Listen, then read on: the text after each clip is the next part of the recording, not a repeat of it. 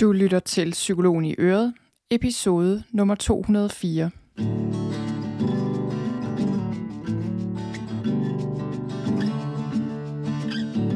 Velkommen til Psykologen i Øret. Jeg er psykologen Birgitte Sølstein, og Øret, det er dit. Velkommen til den her episode, som er en anden episode, end jeg havde regnet med at skulle sende ud i dag. Så øh, det her er noget nær øh, det nærmeste, vi kommer på en live podcast episode, tror jeg. Eller jeg ved faktisk ikke. Man kan sikkert også podcaste live. Det tror jeg nok, man kan. Men øh, det her er ikke live, men jeg optager den lige inden den bliver sendt ud. Og det gør jeg, fordi jeg havde planlagt en anden episode. Øh, lige for tiden er jeg i ret god tid med mine episoder, fordi jeg lige har sat mit nye forløb ro i gang, og jeg har haft brug for lidt arbejdsro til det. Så jeg havde egentlig legnet et par andre episoder op, men det faldt ligesom fuldstændig til jorden øh, på grund af verdenssituationen, kan man vel sige. Og jeg besluttede mig for simpelthen lige at optage en episode til dig i dag om det. Og om, hvordan vi bevarer roen, øh, når vi er under pres, hvilket vi er lige nu og øh, hvordan du finder ro og ligevægt i din dag her og nu, selvom andre lider, selvom der er krig i Europa lige om hjørnet, øh, selvom der i det hele taget bare foregår rigtig meget, især på den internationale scene, som er skræmmende og uforudsigeligt. Og øh, så skal man jo ikke glemme corona, selvom det har vi nærmest glemt. Men øh, om ikke andet, så øh, har vi jo også stadig coronapandemien, er ligesom i slutningen af den, og alt det, det indebærer og øh, har indebåret, som, øh, som vi også, øh, mange af os, er udmattede ovenpå. Så der foregår rigtig meget, og det fik jeg lyst til lige at sige lidt om. Og så vil jeg også sige, at øh, der er ikke tid til, at jeg redigerer i den her episode, eller får den redigeret efterfølgende. Og nu er det ikke, fordi jeg plejer at redigere en hel masse i mine episoder, men nogle gange bliver der klippet talefejl og ting og sager ud. Det er der ikke tid til i dag, så hvis der kommer nogen, så må man bære over med det. Men øh, jeg behøver ikke at sige så meget om, hvad der er sket i den forgangne uge, fordi det ved alle allerede. Og jeg tror, øh, jeg kan sige, hvordan min oplevelse har været. Jeg tror, jeg havde det sådan, at jeg tænkte, at verden allerede var gået at lave i sidste uge for et par uger siden. Men, øh, og det var den sådan set også et stykke hen ad vejen, men det, øh, den kunne gå endnu mere lave, og det gjorde den så.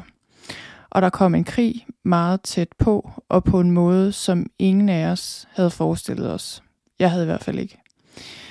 Øh, jeg, har, jeg har faktisk tit tænkt på det der med krig, at øh, krig, i hvert fald i vores del af verden, bliver ført på andre måder øh, end det, vi ser lige nu. Men, øh, men der er altså krig. Og, eller en invasion, skulle man jo nærmere kalde det. Og det øh, er rigtig voldsomt.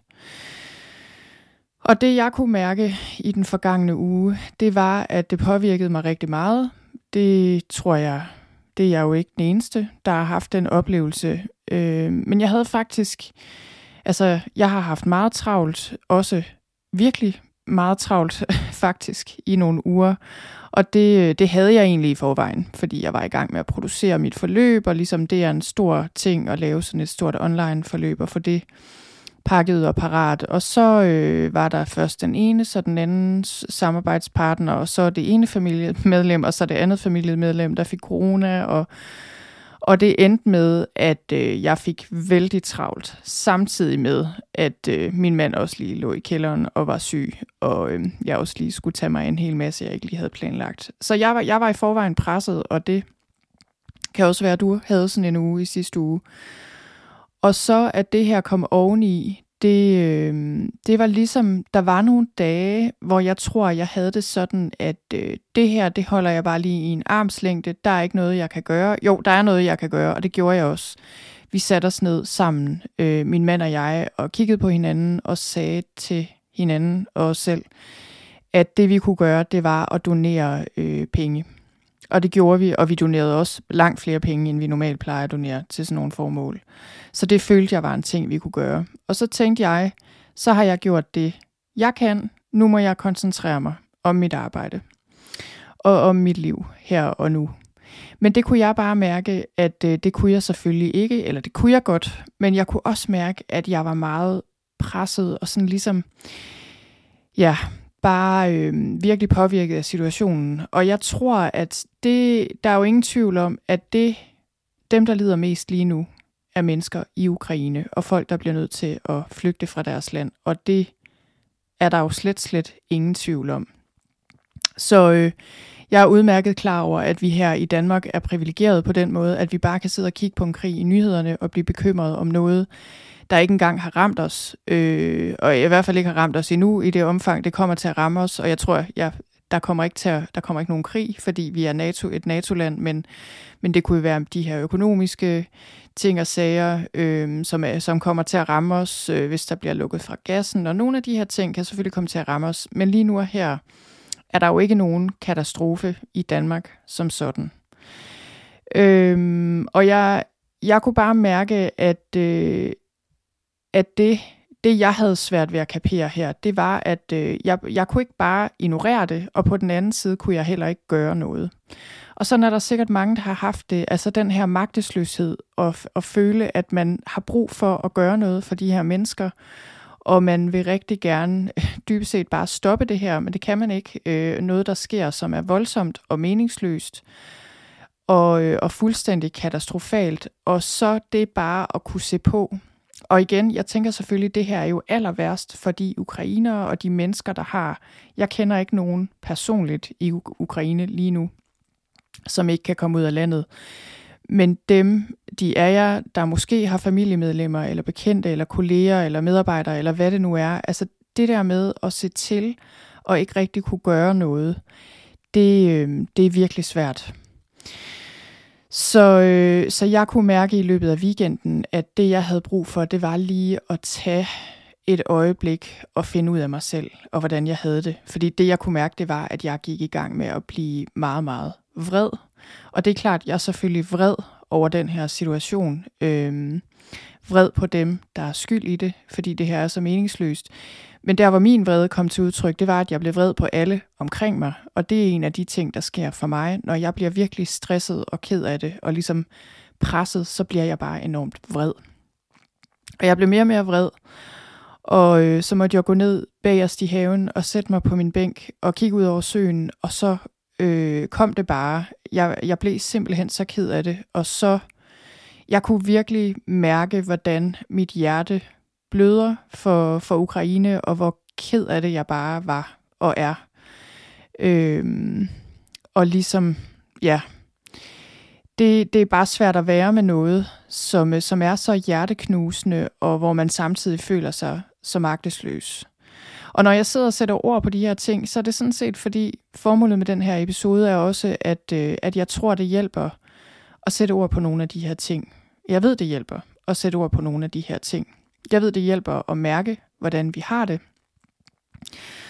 Og, øh, og ligesom finde ud af, okay, hvor er vi selv henne? Hvordan har vi det? Hvordan risikerer vi ikke at blive alt for overvældet, alt for presset, alt for stresset? Øh, hvordan finder vi ligevægt der, hvor vi er, så vi også kan forholde os konstruktivt til situationen og faktisk gøre noget, der hjælper. Fordi der, hvor jeg var en overgang, det var ikke specielt konstruktivt. Jeg var ikke til hjælp for nogen hverken mig selv eller folk i Ukraine eller nogen som helst i min familie.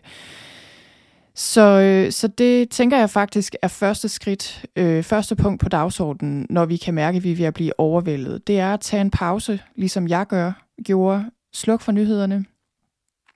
Find ud af, hvordan du lige kan få et åndehul, et pusterum, og bare sidde lidt og finde ud af, hvordan du har det. Og jeg kan tydeligt huske, da jeg sad der på bænken, måden jeg havde det på først, det var, at jeg havde masser af stress i kroppen. Jeg kunne simpelthen bare registrere, hvordan mit system var voldsomt stresset. Øhm, og det kunne jeg sidde og prøve at være med et stykke tid, og ligesom finde ud af, okay, jeg er voldsomt stresset, og jeg kunne sidde og ligesom mærke, at okay, noget af alt den her vrede, og, og den her måde, jeg føler mig presset på og frustreret af, det kommer, fordi jeg er stresset. Og da jeg så sad med det lidt, så kunne jeg også mærke, at jeg var voldsomt ked af det.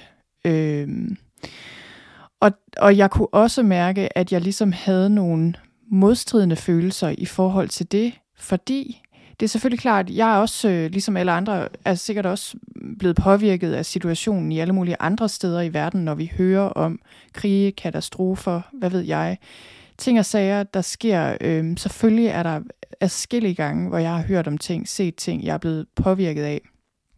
Men jeg er ikke sikker på, øh, at jeg nogensinde har følt det på den her måde, at være fuldstændig overvældet og, og virkelig knust over det. Øhm, og det kunne jeg mærke på den ene side, at jeg var, og så var der en anden stemme i mig, der ligesom sagde, der er en, en stemme, der sådan siger, det kan ikke nytte noget, jeg kan alligevel ikke gøre noget, altså sådan lidt, jeg ved ikke, om man kan kalde den kynisk, men sådan lidt, det kan ikke nytte noget at være ked af det. Og jeg tror faktisk, det nytter noget at være ked af det. Jeg tror, det hjælper at mærke, hvordan vi har det, og sige noget om, hvordan vi har det. Fordi de følelser kan give anledning til, at vi gør noget konstruktivt for os selv, for os andre. Men jeg havde den her del af mig, der ligesom alligevel ikke rigtig kunne se, at det nyttede noget at være ked af det. Så havde jeg den her del af mig, der havde dårlig samvittighed over, at jeg var så ked af det på vegne af Ukraine, nu når jeg ikke har været lige så ked af det i forhold til krig og katastrofer andre steder i verden, der måske har været endnu værre. Øhm, og det var virkelig sådan lidt en proces, hvor jeg måtte finde ud af, okay, hvordan kan det være, det her påvirker mig så meget, og også lade være med at stille spørgsmålstegn ved det, og bare sige, mine følelser er mine følelser, jeg har det, som jeg har det. Det er der sådan set ingen grund til at stille spørgsmålstegn ved lige nu. Øh, jeg tænker, at det er naturligt, at når det er noget, der foregår så tæt på, så tæt på, at vi kan tage vores bil og køre ned og hente folk og komme tilbage med dem i vores bil, hvis det er det, vi vil. Det er folk, der ligner os meget. Øh, mange af os kender ukrainere, der bor her i landet. Altså, jeg tænker, det er meget naturligt, at vi bliver mere påvirket af det, end folk, der bor et helt andet sted i verden.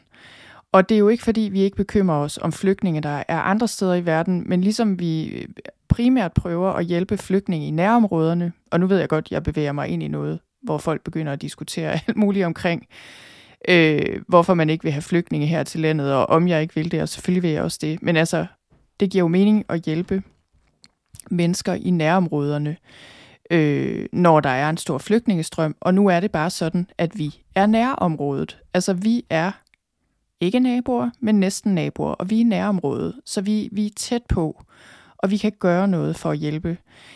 Så, så det var nogle af de ting, jeg sad og tænkte på, at selvfølgelig påvirker det mig mere, når der er krig i Europa, og, og det er så tæt på.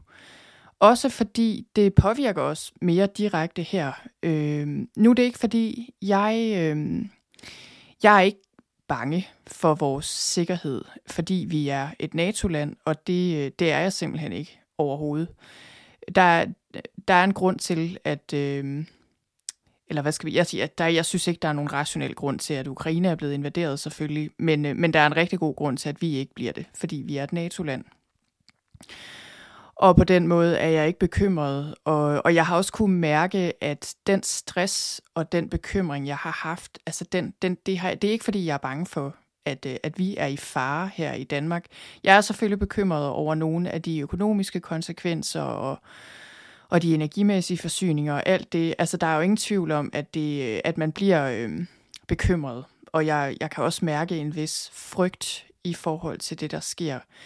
Men jeg er ikke bekymret for vores sikkerhed, og jeg kan også mærke, at mine børn har mange spørgsmål omkring det her, som de stiller, de spørger og spørger og spørger, og vi snakker og snakker og snakker om det ved aftenbordet. Men, men jeg kan mærke på dem, de er ikke bange som sådan, og det tror jeg simpelthen er, fordi vi ikke er.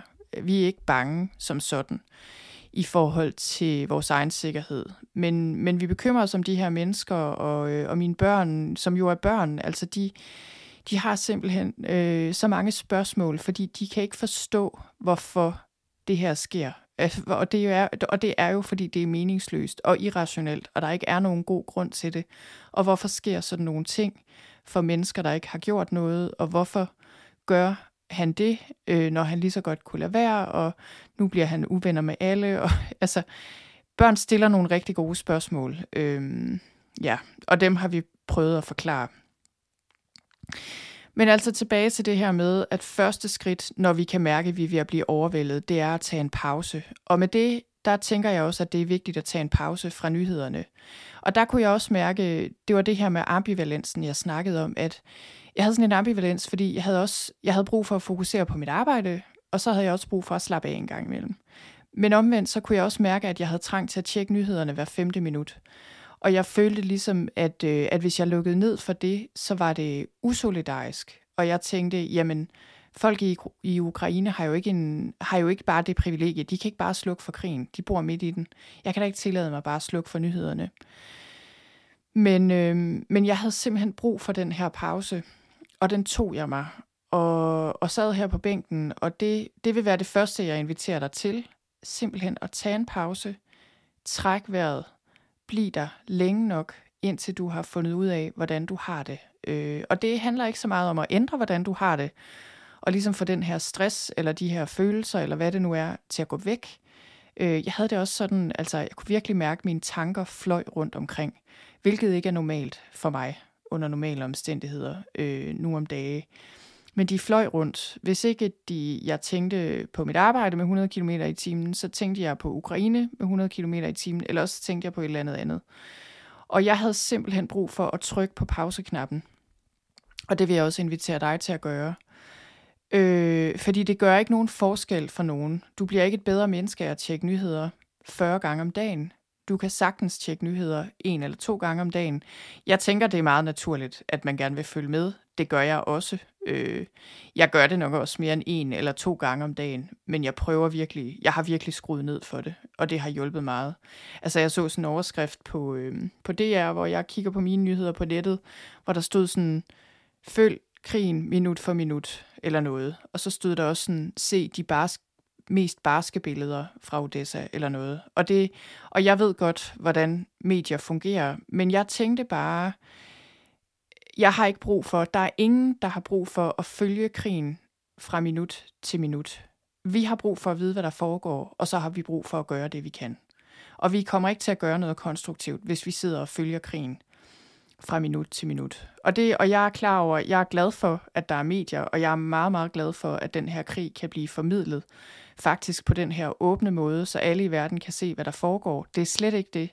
Det er mere i forhold til at bevare ligevægt og handlekraft og ro i vores egen dag, at vi har brug for lige at trykke på pauseknappen en gang imellem.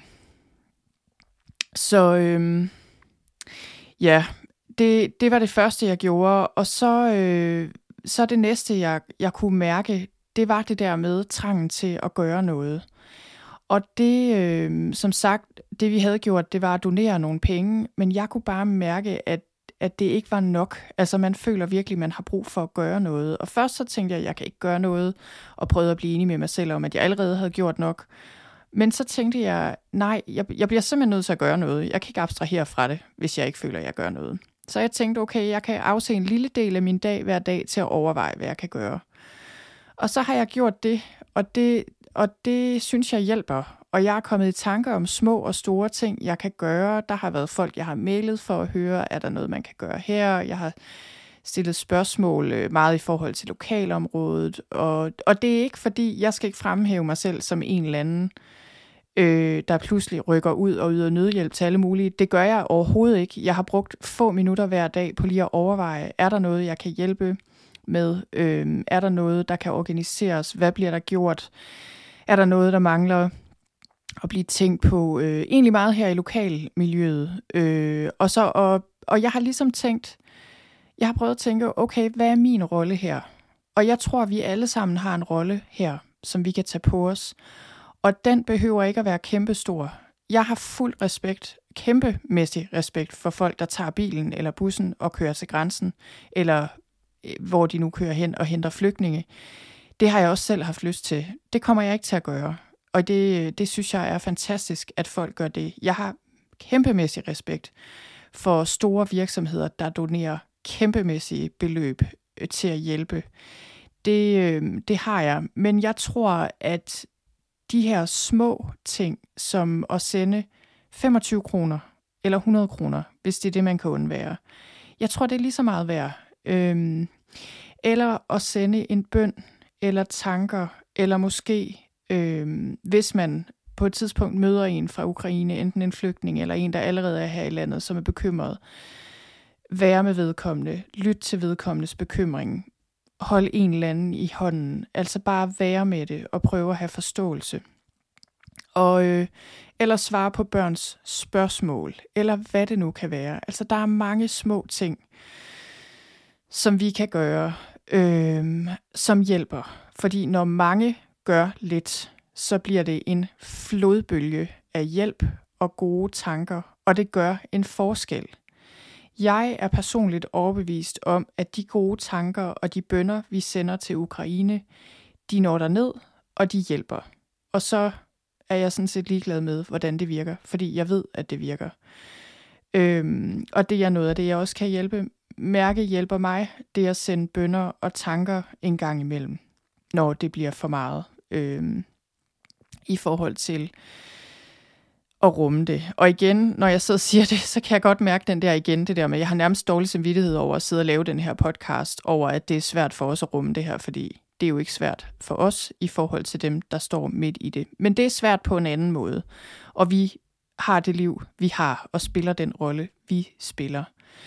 Øhm, så noget af det, jeg også kom til at tænke på øh, i går, det var, at min rolle er også at lave en podcast om det her. Også selvom jeg føler, jeg ikke har tid til det. Og også selvom jeg føler, jeg ikke ved, hvad jeg skal sige. Og selvom jeg føler, at alt det, jeg siger, måske falder til jorden i en situation som den her, så tænkte jeg, det er også en ting, jeg kan gøre. Så det gør jeg.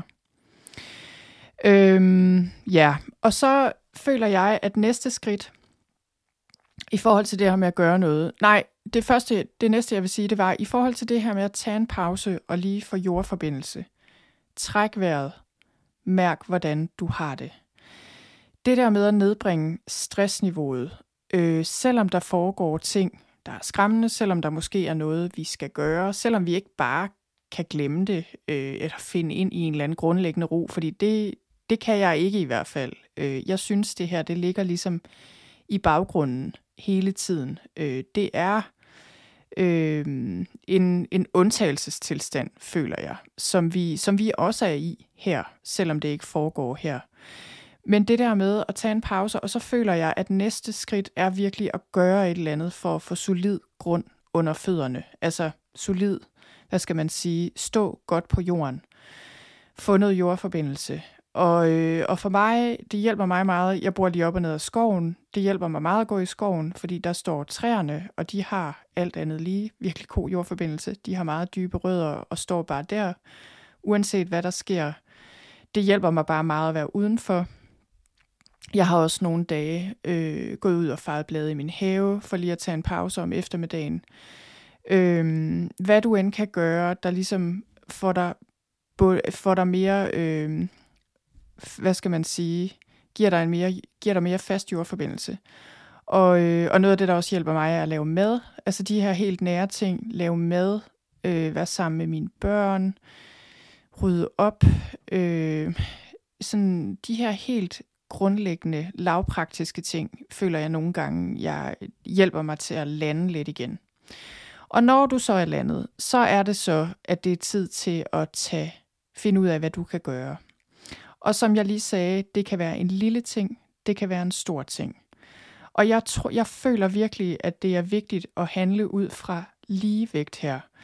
Øhm, jeg har en lille bog, der hedder Solid Ground. Der er skrevet af en, der hedder Sylvia Borstein og Norman Fisher og en eller anden, men det er øh, sådan kendte mindfulness-lærere, buddhistiske lærere, der bor i USA, som, øh, og den her bog, den handler om, hvordan vi finder den her solid ground, solide, faste grund under fødderne, når alt ligesom virker som om, at ja, når verden går i lave, og alt er usikkert og skræmmende. Og, og de snakker om det her begreb ligevægtighed, equanimity. Og det, øh, det er et ord, jeg har tænkt på i de her dage, fordi jeg kan mærke, at jeg har brug for at handle ud fra ligevægt. Så ikke i panik og, og det er ikke, jeg tror nogle gange, at panik eller vrede eller stærke følelser kan være en meget god katalysator for handling. Det tror jeg virkelig. Altså for eksempel simpelthen at tænke, jeg må gøre noget for de her mennesker. Jeg sætter mig i min bil og kører til Polen. øh, og henter nogle mennesker, og det er bare det, jeg gør, uden at tænke så meget over det. Det tror jeg er en rigtig god ting en gang imellem. Men jeg kunne mærke for mit vedkommende, der hvor jeg var, fordi jeg også virkelig følte mig så stresset, så havde jeg brug for at finde min ligevægt og finde ud af, okay, hvad kan jeg gøre her? Hvordan kan jeg bidrage bedst? Og, øh, og det kan du også spørge dig selv om, og måske kan du også tænke, jamen, hvad er min særlige styrke? Hvad er jeg især god til? Jeg tænkte for eksempel, okay, øh, en af de ting, jeg er god til, det er ligesom at planlægge og organisere, og måske få nogle idéer til, hvordan vi kan skrue det her sammen. Jeg sender en mail til kommunen og spørger, er der ting på det og det? Kunne man gøre det og det? Altså, det er bare sådan en lille ting. Og så sendte jeg en mail til nogle organisationer, fordi det, øh, det plagede mig sådan at tænke på dem med børn med handicaps øh, og dem med syge børn, øh, bare fordi jeg selv har et barn, der kræver noget særligt, men også som en gang imellem har haft brug for hjælp. Og det er virkelig en af de ting, øh, jeg synes er svært at tænke på, at folk står uden hjælp til deres børn, måske uden medicin, eller måske uden mulighed for at komme på hospitalet, hvis de kan det. Og jeg skrev til et par organisationer og tænkte, og spurgte dem, okay, er der mulighed for at støtte noget særligt med henblik på at hjælpe de her mennesker, og det var der ikke rigtigt der, hvor jeg skrev hen, og selvfølgelig fordi Røde Kors og de her ting, øh, organisationer har jo ikke mulighed for sådan at lave specialrettede indsatser, og det giver jo også mening. Men pointen er, at jeg prøvede at gøre noget. Jeg prøvede ligesom at tænke, okay, hvad kan jeg gøre? Og, øh, og omvendt kan det være, at du tænker, jamen, jeg har hænderne godt skruet på. Jeg kan hjælpe med at og gøre nogle steder klar. Måske er der brug for det i kommunen. Jeg ved i hvert fald, i min kommune er der oprettet sådan et sted, hvor man kan henvende sig, og så kan man skrive eller ringe ind med det, man har tilbydet. Altså hvad end det så er sengepladser eller tæpper, eller jeg ved ikke helt, hvad det er. At man kan hjælpe med noget håndværksmæssigt, eller transport, eller hvad det er. Og det er der garanteret også i din kommune. Jeg ved også, Røde Kors har øh, rødekors.dk-parat, hvor man kan byde ind med forskellige ting, man har. Så, øh, så tænk på det, altså hvad dine ressourcer er. Og det, og det kan være, at du tænker, jeg har ingen ressourcer, men jeg kan love dig, at du har ressourcer. Du, øh, du kan måske bare ikke se dem. Måske er din ressource, at du kan holde det ukrainske folk i dit hjerte og bede bønder for dem. Måske er din ressource, at du kan bevare roen, når alle andre i familien flipper ud her og nu, så du kan passe på dine børn, eller hvad ved jeg, dine ældre forældre, et eller andet. Øh, måske er din ressource, at når flygtningene kommer hertil, så kan du være der for dem, møde dem med et smil på gaden, øh, tage dem i hånden, vise forståelse, lave en strikkeklub, hvad ved jeg. Øh, jeg tror ikke, det, behø- det behøver ikke at være så meget. Det behøver, det er mere den der intention og fornemmelsen af at gøre noget. Og vi har alle sammen noget, vi kan bidrage med. Og, øh, og jeg tror også, det er vigtigt at sige her til sidst, at, at jeg føler ikke, at alle danskere bør gøre noget i en situation som den her. Overhovedet ikke. Øh, jeg taler ud fra mig selv, og det behov, jeg selv kunne mærke, og den her følelse af at være ved at blive, at blive meget stresset, og også egentlig meget overvældet af det her. Og jeg kom frem til, at det var simpelthen fordi, jeg havde behov for at gøre noget. Og det, jeg anerkender fuldt ud, at vi kan være forskellige her, og det er ikke sikkert, du har det samme behov. Så jeg tror, at, øh, at det egentlig var det, jeg havde for i dag. Jeg vil sige øh, tusind tak, fordi du lyttede med, og jeg vil også sige, at i noterne til den her episode, som du finder på sølvstein.dk-nødhjælp, der øh, har jeg linket til nogle af de ting, jeg har nævnt her, eller i hvert fald kommer jeg til at linke til Røde Kors, og måske også til andre steder, de steder, jeg lige umiddelbart kender, hvor man kan donere noget økonomisk eller hjælpe på andre måder. Og så håber jeg ellers bare, at du får en dag med øh, lidt mere ro og lidt mere ligevægt. Tak fordi du lyttede med.